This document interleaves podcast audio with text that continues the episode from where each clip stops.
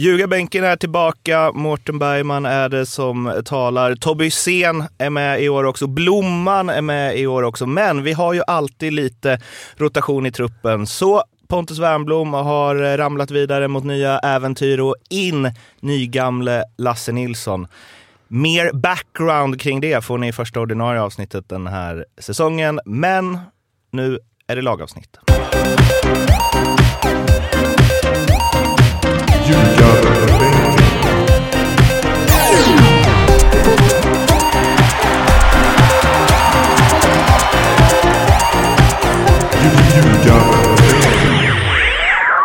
Nu har det blivit dags för ett lagavsnitt om eh, Elfsborg. Elfsborg som eh, förra året slutade på sjätte plats i allsvenskan. De eh, gjorde 55 mål, släppte in 35 och skrapade ihop 49 pinnar.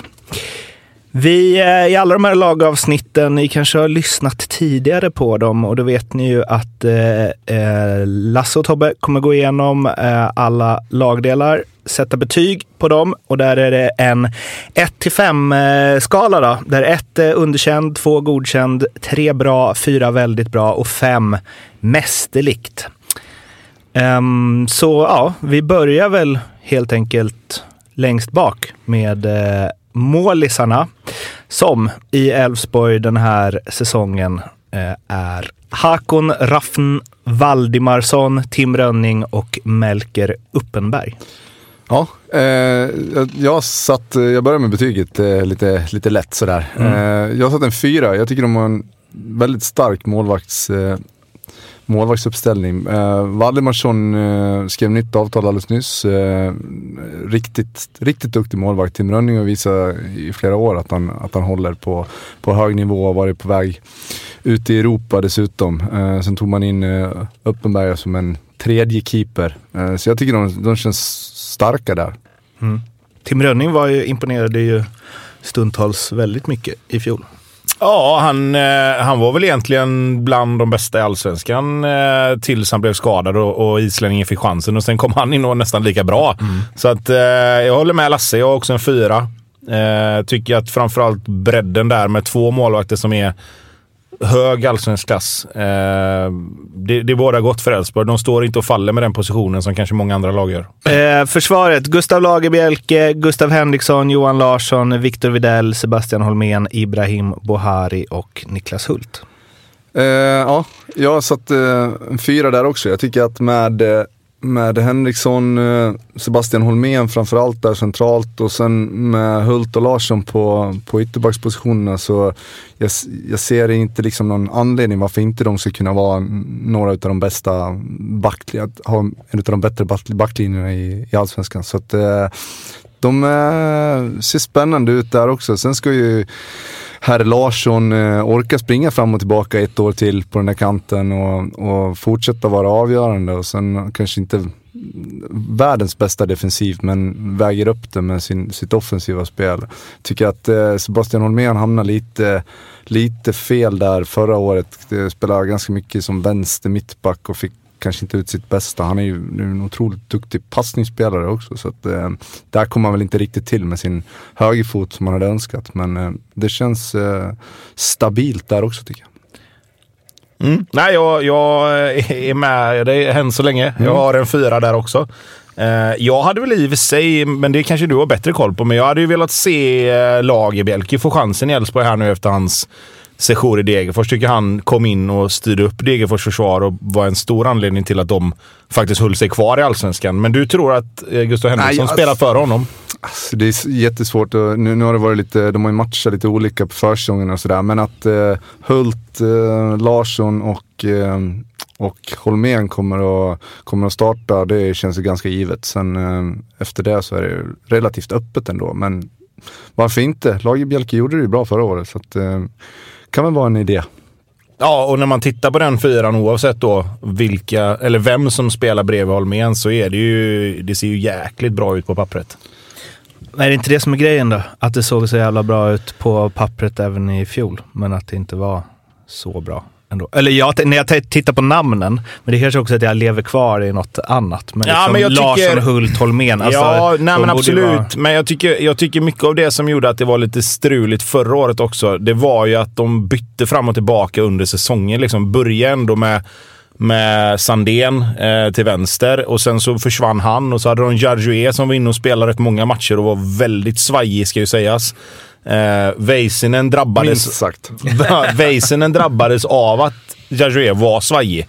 Eh, när de sen fick satt den där fyran med Hult, eh, Väisänen, Holmén och eh, Johan Larsson mot slutet. Även Strand var ju med många matcher också såklart ska ju sägas. Men jag tycker det blev bättre på hösten när, när de fick liksom de fem spelarna var de som spelade. Det var lite, lite ut och in på vissa i, i perioder. Eh, men, men jag tycker att det, det såg bättre ut. Det, det blev mer stabilt och nu visst, nu är Väisänen borta. Strand är borta, men spelar Niklas Hult och Johan Larsson ytterbackar och Holmén och Lagerbielke mittbackar så är det på pappret en av de starkaste backlinjerna i Allsvenskan säger jag. Ja, men alltså man pratar ju om kontinuitet hela tiden i fotbollen och, och är det någonstans som blir viktigt så är det ju framförallt för en backlinje att de får chansen att, att spela ihop sig och det var ju jävligt hackigt. Eh, det var väldigt många olika, olika konstellationer där så att eh, nu har de fått en hel försäsong, eh, snart i alla fall och eh, jag håller med Tobbe, jag tror att de, de borde kunna vara ett, en av eh, Allsvenskans bästa. Ja, januari turnébacklinje är det ju. Rakt av bara. Ja, det, det, fin- det, det har något. det har något. Blomman, hade du velat byta Bayerns backlinje mot den här? Eh, Nu, du måste ta det på Nej, uppstuds. nej. okej. Nej, ni fick väl eh, den eh, mest, eh, vad säger man, excentriska av dem i alla fall. Det- det kan man lugnt säga, ja. Eh, Ja, sen, det är ju tapp, det får man ändå säga. ja, fast, ja, För det händer grejer. jag är nöjd så länge han, ba, alltså, så länge han bara stannar i allsvenskan tills han lägger av. Det spelar ingen roll vad han spelar. Man vill att han ska, när han blir sämre vill man att han ska gå till ett av de dåliga lagen så att det byggs ännu mer frustration. Och ta ännu fler röda kort. Exakt. de, de som är, är mest besvikna är väl fotograferna på Tele2 antagligen. Exakt. Eh, sen har vi ett mittfält med eh, André Römer, Emanuel Boateng, Noah Söderberg, Kevin Holmén, André Boman, eh, Michael Baidu, Timothy Noor, Oma och Besfort Seneli. Ja, jag, jag har satt eh, tre och en halva på det här mittfältet. Eh, jag tycker att eh, det är lite för många frågetecken. Jag tycker Noah Söderberg gör en jättebra säsong förra året. Kan han fortsätta utvecklas så, så, så ser det, det, det är väl risk att de inte får behålla honom så länge då, tyvärr. Sen Baidu eh, räknas nästan som en anfallare, spelar tia precis bakom Frick i många matcher där. Eh, det beror alldeles på hur man, vad är det för konstellation, vad är ett mittfält och vad är en anfallare? Men, men jag skulle vilja säga att, att det är väl Elfsborgs Eh, det är väl frågetecknet tycker jag, runt eh, vilka ska spela, hur ska de formera det där mittfältet. Eh, Boateng känns som att han det finns mer att hämta i honom också. Gör några strålande matcher förra året och några väldigt mycket mindre bra matcher. Så att, det är väl kanske Römer där som är den trygga punkten och han behöver hålla sig frisk känns det som. Känns väldigt mycket eh, annorlunda än eh, försvaret. Alltså i, så här, i trygghetsfaktorn och att man vet vad man får av spelare. är liksom motsatsen nästan på mittfält. Tycker jag. Eh, ja, både ja och nej egentligen. Eh, jag skulle vilja säga att först då, jag har exakt samma betyg här också. Eh, Det är kul det här. Nästan så man kan tro att vi har hört, hört med varandra. Ja, precis. Eh, nej, men jag, håller med, jag håller med Lasse i det han säger också. Att, att eh, det här kan ju vara ett sånt betyg som både går upp och ner. Det, det kan de flesta givetvis. Ett kryss två här. Men, men framförallt med ett mittfält när det inte finns någon trygghet riktigt som du säger här Mårten. Att de behöver ju att de här spelarna presterar på om man säger, en normal nivå för att Elfsborg ska fungera. Baidu var jättebra förra året, men han hade också tufft inledningsvis. Fick inte spela så mycket. Visst, Inte ett mål på hela försäsongen Nej, och, och, och Simon Olsson var där. Visst, Simon Olsson var där och hade hans plats lite grann. Eh, men han tog ju verkligen chansen när Simon försvann. Och kan han bygga vidare på det? Kommer han bli bättre till och med kanske? Vilket kommer vara jäkligt intressant för Elfsborg om han tar ytterligare kliv. Eh, som sagt, Römer, stabil pjäs, inga konstigheter. Noah Söderberg tycker jag också presterar på en hyfsat jämn och stabil nivå. Där är också intressant att se, kan han ta ytterligare ett kliv och, och, och bli liksom verkligen, verkligen upp mot, mot toppspelarna i, i, sin ålder och i, på sin position? Ondrejka, återigen. Är det dags det här året? Men för mig blir det så här... Han är anfallare. Ja, för mig blir han anfallare eller ytter i ett, i ett 4-3-3 liksom. Ja. Eller 4-2-3-1. Mm. Det beror på lite. Men, men alltså, för mig är Ondrejka med på nästa, ja. på nästa lagdel. Liksom. Sen kan han säkert spela 10 också i, i vissa fall om det skulle behövas. Mm. Men, men jag har inte med honom här. Mm. Fan, Baidu gillar man ju ändå. Han gör snygga grejer. Kändes som att det liksom var bara snygga mål och det var bara, alltså. Men det där är också en sån här, eh, man, man pratar om att ja, vi behöver ersätta, Simon Olsson flyttar, vi behöver ersätta honom. Mm. Och sen kommer next guy up på något vis. Och så mm. kommer Baidu in och är fullständigt strålande hela hösten. Så att, eh, alltså, bara för att någon försvinner är det inte säkert att du behöver värva in någon. Det kan finnas lite, lite bakgrund. Jag tycker Elfsborg har några spännande mittfältare där också med Kevin Holmén som var utlånad till, till Skövde förra året. Det finns ruggigt mycket fotboll i honom.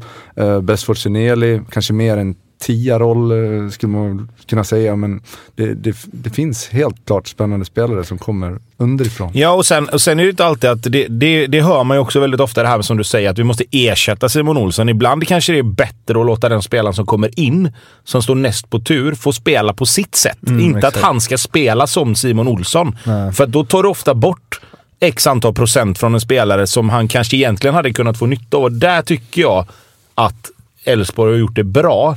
Om det sen är att det är Baidu som har gjort det bra eller om det är Elfsborg som har gjort det bra, det låter jag osagt eftersom man inte vet.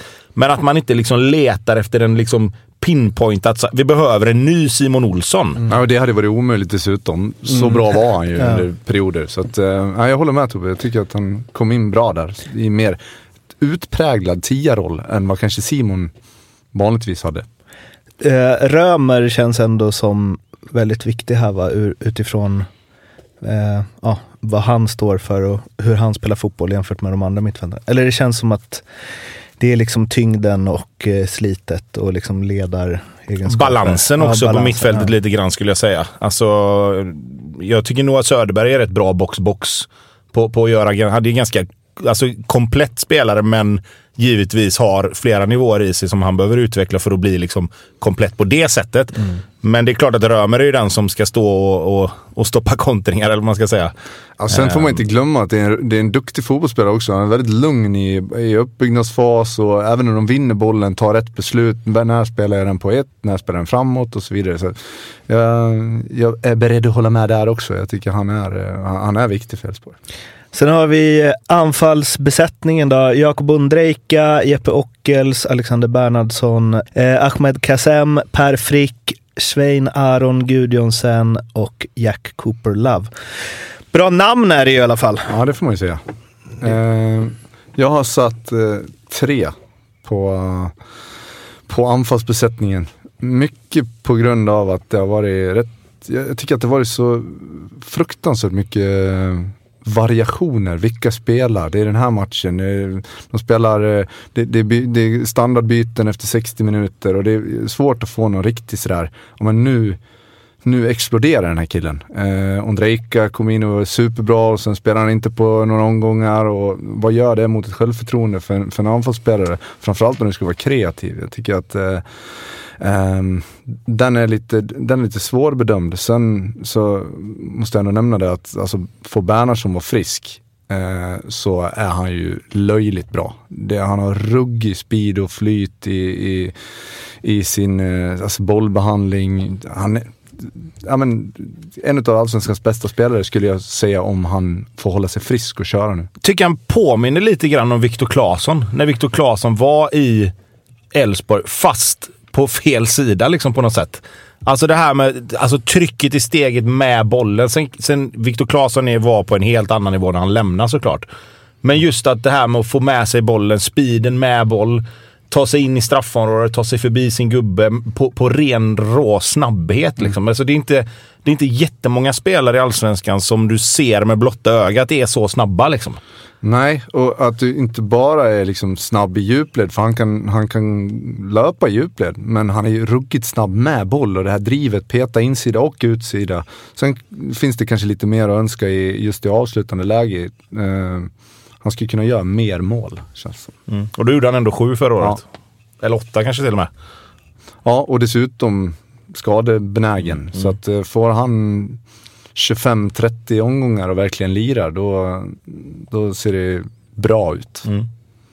Ja, jag, jag håller med dig. Jag har faktiskt ett eh, litet hack upp här. Jag har 3,5 på, på Elfsborgs eh, anfall.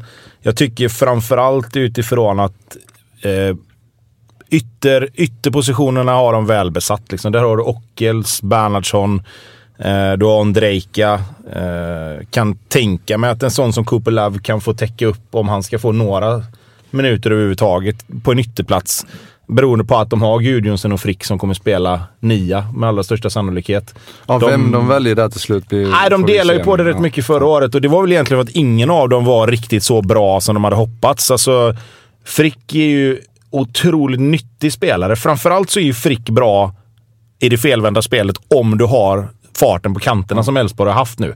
Nu har de tappat Rasmus Alm, men speeden finns där fortfarande. Och då kan det finnas ett värde i att ha en Frick som spelar mer felvänd, bufflar lite, får ner bollen till en rättvänd mittfältare som sen sätter in kanterna i spel.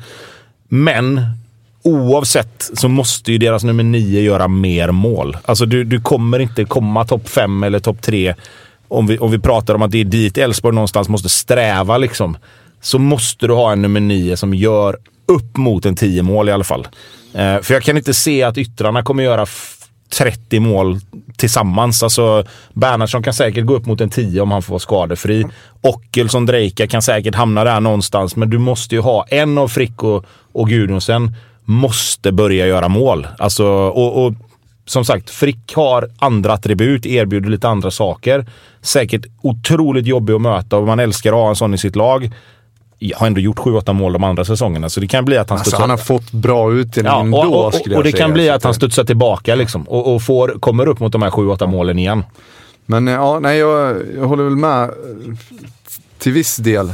Jag har inga problem med att man sprider ut målskyttet, men ska du ha en nia som gör 7-8 baljor, då måste du ha spelare runt omkring som gör mer mål än, än 5-6. Liksom. Då måste du komma upp i, i, i mål i målproduktion där istället. Sen tror jag inte att det var Alltså jag gillar Rasmus Alm, men jag tror inte att det var dåligt för Elfsborg att han lämnade. För jag tror att eh, med Ockels, Bernhardsson och eh, Ondrejka så blir det lite tydligare Eh, vem och vilka som ska spela. Eh, ett tag där, det var ju, de, de växlade ju från match till match eh, trots att de gjorde bra matcher. Så att eh, just den här kontinuiteten och få kanske lite mer lite mer trygghet i att jag vet att jag gör en bra match här nu eller två, jag, jag kommer att lira liksom. Men du, bara, du som kan Elfsborg bättre nu. Eh, Jack Cooper Love gjorde det jättebra i Superettan i Skövde. Eh, öste in mål där. Finns det någon chans att han kliver före någon av de här två som vi nämnde, Frick och Gudjonsen, och få spela några matcher som alltså spjutspets? För det är väl ändå där han är som bäst? Ja, det ska till någon skada och någon avstängning. Annars kommer han inte att spela. Sen eh, kan jag tycka att eh, har du gjort ett sånt år som Jack gjorde förra året, då, men då är du ju värd att få en vettig chans i alla fall. Framförallt då när, när det, det verkar inte riktigt som de har bestämt sig vem av de här andra två niorna som, som går först. Och, eh, så varför inte? Men jag, jag, tror att det kommer bli tufft för honom att få speltid. I alla fall på den positionen. Sen har vi tränare då, Jimmy Tillin.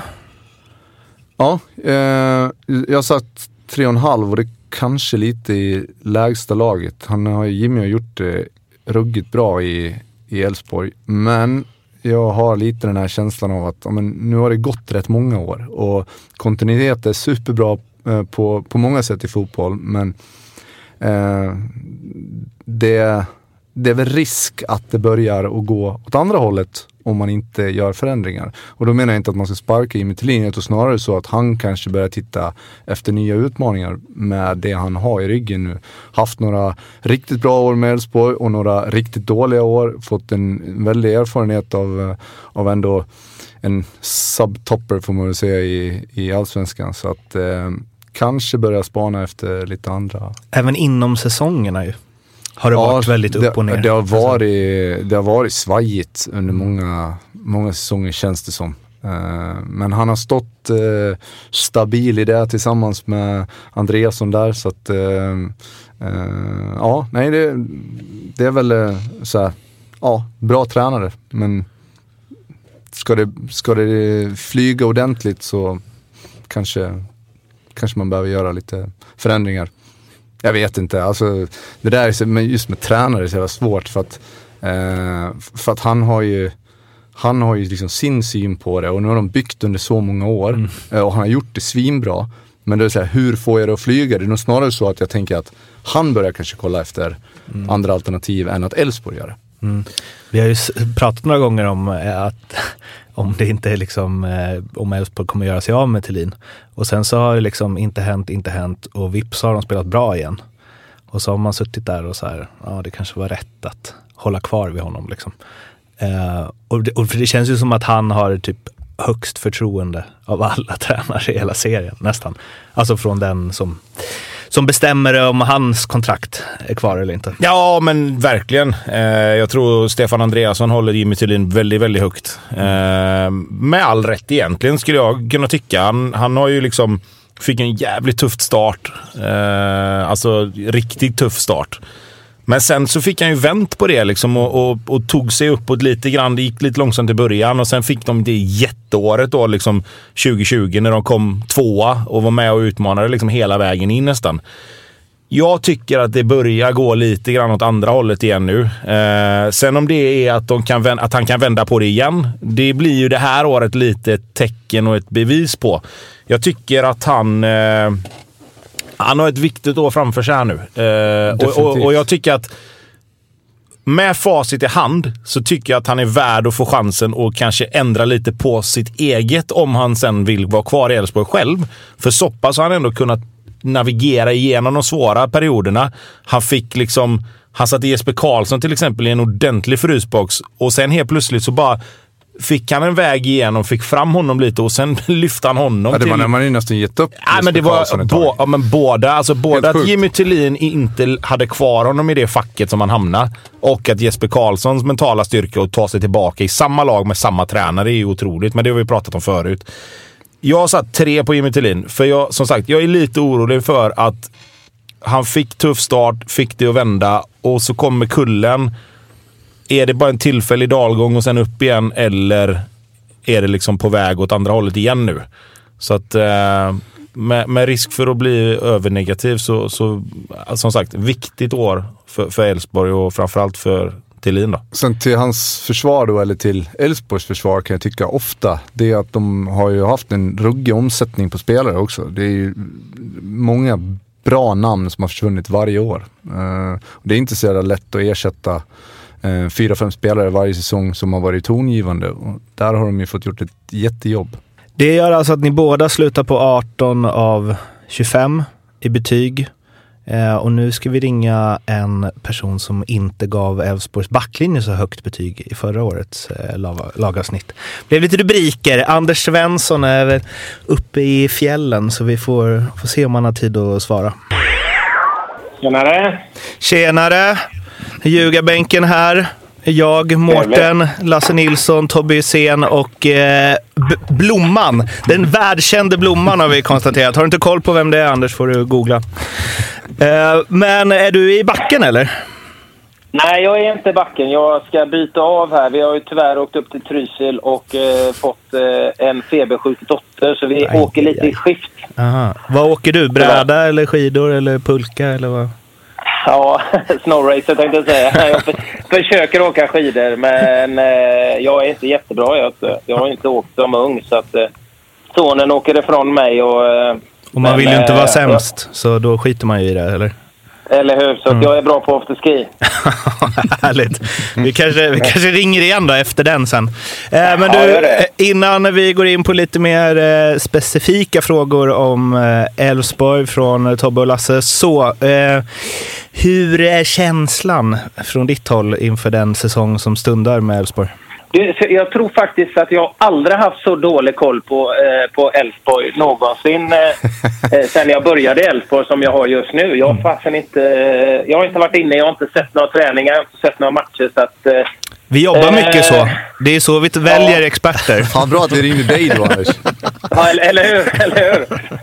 Men om jag du tror går... ni alla har bättre... Men min känsla, känslan är väl ändå att eh, det är ungefär som, som förra året om man tittar till truppen. Det är några spelare som eh, av de yngre som kanske kan ta ett steg till. Eh, försvunnit någon spelare. Så att, eh, det, det är väl lite grann, man kommer väl tillhöra någonstans där strax under toppen. Någonstans från allt från eh, femte till tionde plats kan jag tänka mig. Det är väl där man kommer, kommer att landa till slut. Eh, Man har hög högsta nivå tycker jag när spelet stämmer men man kan också förlora egentligen mot vilket lag som helst eh, om det inte stämmer. eh, Som man såg stundtals eh, förra säsongen.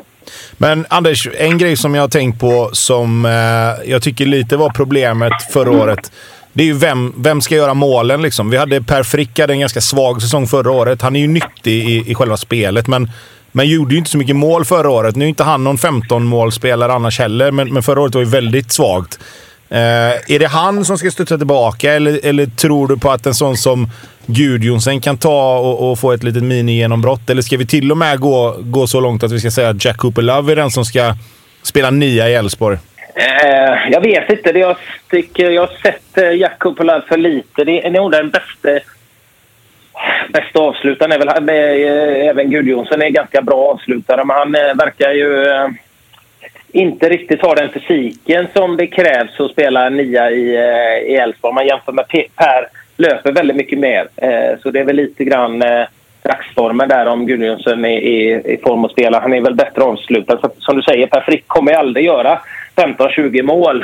Eh, och det är inte det. Han bidrar med väldigt mycket annat. Jag tror istället de som ska göra målen är väl kanske yttrarna. Framförallt Bernhardsson och Ondrejka då som man hoppas eh, är de som... Eh, och jag tror också att Elfsborg kommer, som det har varit tidigare, sprida ut målskyttet. Eh, ingen riktig, ingen riktig skyttekung i, i truppen tycker jag. Utan det är mer att mitt, en del av mittfältare kommer behöva göra mål. Badou som, som gjorde flera mål. Eh, Ondrejka, Bernhardsson bland annat. Liksom. Det, det, det kommer nog spridas ut målskyttet tror jag. Jag kan tycka Anders att det är lite tråkigt att man börjar i den änden. Eh, om man kollar på anfallare, då är liksom första prio är att du ska kunna pressa en backlinje helt ensam. Det, det känns lite som fel ända att börja i. För en anfallare. Ja, men, det, ja. Och, men jag tror egentligen, alltså är det inte så att man egentligen har försökt att värva eh, spelare som... Eh, för där pratade det ju Per, Styrste, James Keane som spelade innan också. Ingen av dem är utpräglad smart kanske avslutare, liksom att hitta rätt ytor och vara klinisk. Men man har väl egentligen försökt att värva sådana. Eh, senast med den här Aga från Norge som, som knappt har fått chansen ens. Ju. Eh, och man har försökt att hitta en, en, eh, en forward som ska göra mer mål men man har ändå landat i att Per gör det bättre för laget. Det är, det är lite den känslan jag har. Att man försökt hitta någonting för att ta nästa steg men det har blivit att man inser ändå att Per gör mer för spelet än de andra, än så länge. Ja, men jag, där håller jag helt med. För det känns som att Gudjonsen på, på sikt, eller vad man ska säga, eh, skulle kunna nästan vara en skyttekung. Han, han har alla de, de kvaliteterna runt boxen som, som jag tycker krävs för det. Men samtidigt så, så värderar man ju tydligen då Pers eh, andra egenskaper och han är nyttig, helt klart. Men jag tycker att det är lite kanske lite konstigt att man börjar i den änden. Ja, nej, jag, jag håller med dig, men det är lite grann... Eh, eh, det, det som man har hört om Gudrundsson är väl att han kanske inte har den fysiken. Eh, att han springer nästan lika lite som jag gjorde. Eh, och, eh, och det vet ju du Lasse, att det, det tyckte du inte om. Så att, nej, men, eh, han, har ju, han har ju alla egenskaper, men eh, kanske inte riktigt fått det att klicka fysiskt. Jag vet inte om han har eh, inte kunnat träna ordentligt, skadebekymmer eller om han har en tung kropp och, och liksom bära runt på. För, för den spelstilen de har så får de ju ut väldigt, väldigt mycket av det pressspelet som Per gör. Men jag håller med om att Gudrunsen har väl kanske mer målskyddsegenskaper. Men eh, utan att ha sett honom tillräckligt. Jag vet ju själv hur skönt det var att spela med Per till exempel. Eh, som gör väldigt, väldigt mycket nytta. Eh, men eh, det är lite vad man vill ha av en, av en forward. Ja, men jag tyckte Eh, också drömmen det var är ha någon fantastiskt. som kan göra både det och... Ja, men drömmen är Du, att ha någon som du både kan göra det och springer och, och mål. krigar och jag står här och hoppas att bollarna trillar ner. Typ. Ja, men det, är- både när du själv spelar med, men det är det är Viktor Claesson spelar som släpande forward några gånger bakom eh, Per Frick. Liksom. Per Frick smällde, hoppa in i två mittbackar och bollen hamnade hos Viktor Claesson. Så kan du göra det. Han är ju en oerhört eh, nyttig spelare men, eh, och har gjort väldigt mycket. Jag tror känslan är att man har försökt att hitta en forward som ska både kunna göra det arbetet hyfsat som Per gör men ändå kanske vara lite mer eh, farlig på egen hand också. Men, eh, och man har gjort några värvningar men hittills har man, inte, har man inte hittat någon som är nyttigare och bättre för laget än Per. Ja, vi kan väl också lägga till det att eh, Elfsborg har fått ut jävligt mycket av Per och han har gjort några riktigt bra säsonger poängmässigt också som man kanske inte trodde riktigt att han hade i sig. Så att, eh, att han har gjort det bra råder det inget tvivel om. Och han, är, han har ju rätt många fina egenskaper Per. Alltså han, han är har rätt bra skott. Han är relativt snabb. Eh, men han, eh, han har väl kanske inte riktigt den eh, spetsegenskapen eh, egenskapen som en supermålskytt. Men eh, han har gjort väldigt, väldigt mycket nytta och varit eh, en otroligt viktig spelare för Elfsborg i många år, får man ändå säga. En eh, som lämnat eh, Simon Strand gör ju att Elfsborg blir lite mindre galna. Tråkigt ju. Eh, ja, absolut. Simon Strand, han får man ju också... Även om jag var hård mot honom eh, senast så är det en spelare som har gjort väldigt mycket bra för Elfsborg och eh, med sin aggressivitet passat in i Elfsborg väldigt bra tycker jag. Och det är en duktig spelare. Eh, men eh, ja, där har man ju ändå också... Eh, man har ju ändå eh, lite backup, speciellt nu när man har värvat eh, Boman från, från Varberg också, så har man ju ytterbackar som spelar. Johan Larsson kan ju spela på båda kanterna egentligen, och Niklas Hult och, och så Boman. Så att, eh, ja, eh, jag tycker väl inte det är någon katastrof för truppen eh, att eh, Strand har försvunnit, även om det är en duktig, nyttig. Kul för rubrikerna också, tänker jag mest. Att Ja. det händer grejer. Man vet aldrig när det kan komma ett rött. Liksom. Det tycker jag... Nej, Det, så är så. det är ju inte Elfsborg annars. Han adderade ju något o-Elfsborgigt till eh, laget. Ja, men det är sådana spelare som inte lägger liksom, som gör allt för att vinna. Det är, det är egenskaper man uppskattar. Ja, men det är till och Så att, med eh, kameramännen var emot honom ett tag där kändes det som att det var. jo, men det är det. Han retar ju upp, han retar ju upp eh, framförallt motståndare och, och, och motståndarpublik och sådär. Och även ledare och, och kamerafolk. Liksom. Det är ju en rätt skön egenskap. Liksom, att ha i, en sån spelare att ha i sitt egna lag är skönare än att möta den. Så det blir tufft när Elfsborg väl ska möta honom. Har ni något mer? Ja, men jag hade en liten eh, fundering där Anders. Du har ju varit eh, väldigt insatt i många år såklart. Men eh, tror, du, tror du att Elfsborg kan liksom hitta tillbaka till att vara det här topp tre-laget lite mer, eh, lite mer eh, ofta så att säga, eller mer eh, stabilt eh, topp tre-lag när man samtidigt då, jag räknade ut att på de senaste tre åren så har man eh, släppt iväg eller sålt 15 startspelare på tre år. Det, det är ju en jävla omsättning av spelare. Sen är, eh, är det klart, jag är fullt medveten om att man behöver, behöver sälja spelare för att få det att gå runt. Men, men just den delen, kan man vara konkurrenskraftig samtidigt som man ska sälja och släppa iväg så mycket spelare? Jag hoppas ju det, men det är klart som du säger, det är ju svårt. För då ska du lyckas pricka rätt i, i nyförvärv, eh, ersättare här, och även ha en bra akademi så du kan få spelare som är redo underifrån och går in och gör det bra. Eh, det är svårt. Känslan överlag är väl att de större städernas klubbar är de som dominerar och kommer att fortsätta dominera. Eh, med vissa undantag när det kommer bra generationer från Elfsborg, från Kalmar och, och, och Norrköping och så vidare. Så, så det är tufft. Jag tror det kommer vara tufft att eh, hitta en eh, topp tre-placering, eh, topp tre-fyra-placering liksom flera år i rad. Det tror jag. Eh, men jag hoppas ju, men jag tror det är tufft. Och det är som du säger, säljer man så, släpper man så många spelare som, är, som spelat i startelvan så blir det ju inte lättare liksom.